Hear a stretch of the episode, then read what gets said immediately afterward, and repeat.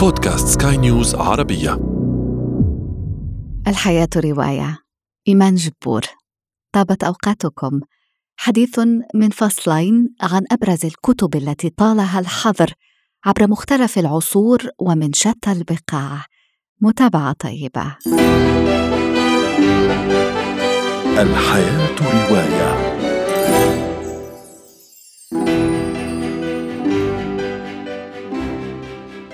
علمنا التاريخ أن أفضل دعاية يمكن تقديمها لكتاب هي حظره. رغم أن معظم هذه المؤلفات لم تحتج لدعاية أصلا. لحظر الكتب باع وتاريخ طويل رغم أن الممارسة لا تزال قائمة إلى اليوم إلا أنها كانت أسهل خلال القرون الماضية عندما لم يكن الوصول للكتب امرا هينا. لنستانس بداية بواحد من أقدم الأمثلة. مثال الكنيسة الكاثوليكية التي ظلت إلى غاية القرن السادس عشر تحظر في كل الدول طبع نسخ إنجيل بلغات أخرى غير اللاتينية اللغة الميتة بحيث لم يكن يتسنى سوى لرجال الدين وقلة قليلة من الناس العاديين قراءتها. بعض الأشخاص القلائل الذين تجرأوا على ترجمة الإنجيل تعرضوا للاضطهاد وصولا إلى الإعدام في أحيان كثيرة والغاية من هذه السياسة يضعها المؤرخون في خانة حرص الكنيسة آنذاك على احتكار كل تفسير وتأويل للكتاب المقدس ودرء أي تشكيك في سلطة قادة ورؤساء الكنيسة.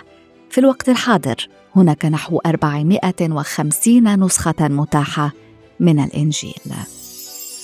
قد أختلف معك في الرأي ولكنني مستعد لأن أحارب حتى الموت لضمان حقك في التعبير عن رأيك. هذه العبارة قالها فولتير في القرن الثامن عشر أبرز فلاسفة عصر الأنوار إلى جانب روسو، ديدرو، مونتسكيو الذين كانت تخشى مملكة فرنسا وبرلمانها وكنيستها وسوربونها من سطوة فكرهم وكانت تمنع معظم مؤلفاتهم حتى أنها أرست عام 1742 هيئة رقابة ملكية تتحكم في كل ما يطبع. ومع ذلك استطاع فلاسفة الأنوار الالتفاف على الرقابة سواء عبر طباعة أعمالهم في الخارج أو نشرها داخل فرنسا تحت أسماء مختلفة. بين عامي 1750 و 1800 يقدر المؤرخون أن أكثر من نصف الكتب الفرنسية نشرت خارج فرنسا. من جملة ذلك كانديد أو المتفائل رواية فولتير التي تعد أهم أعماله. نشرت في جنيف لما انطوت عليه من نقد ساخر للحرب والتعصب الديني والعبوديه وامور أخرى فيها يقول فولتير علينا ان نزرع حديقتنا Les soleils mouillés de ces ciels brouillés pour mon esprit ont les charmes si mystérieux de tes traîtres yeux brillant à travers leurs larmes. Là, tout n'est qu'ordre et beauté, luxe, calme et volupté. أكثر من قرن بعد صدور كونديد تحديدا في عام 1857 صدر في فرنسا ديوان أزهار الشر لشارل بودلير وكان لصدوره وقع الفضيحة في المجتمع الفرنسي وصحافته التي اعتبرت العمل غير أخلاقي. صادرت السلطات نسخ الديوان وخضع بودلير لمحاكمة مدوية بتهمة ازدراء الأخلاق العامة أدين إثرها بدفع غرامة ثقيلة وحظرت ست قصائد من مجموعته الشعرية. بودلير كان في ذلك الوقت كاتبا شابا معروفا ويحظى بالتقدير بفضل أعماله النقدية وترجماته لمؤلفات إدغار ألان بو.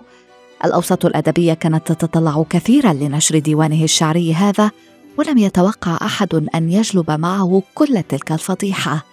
عن سن 46 عاما توفي بودليغ عام 1867 وبقيت القصائد الست لديوانه ممنوعة في فرنسا إلى غاية عام 1949 أي بعد قرابة قرن على صدور لفلوغ ديمال الذي يعد اليوم من أهم الأعمال الشعرية في العصر الحديث. فقد الروح ميت بين موتى. أزهار الشر. بودليغ الحياة رواية. نتم حديثنا في عدد مقبل. أشكر لكم طيب إصغائكم. إلى اللقاء.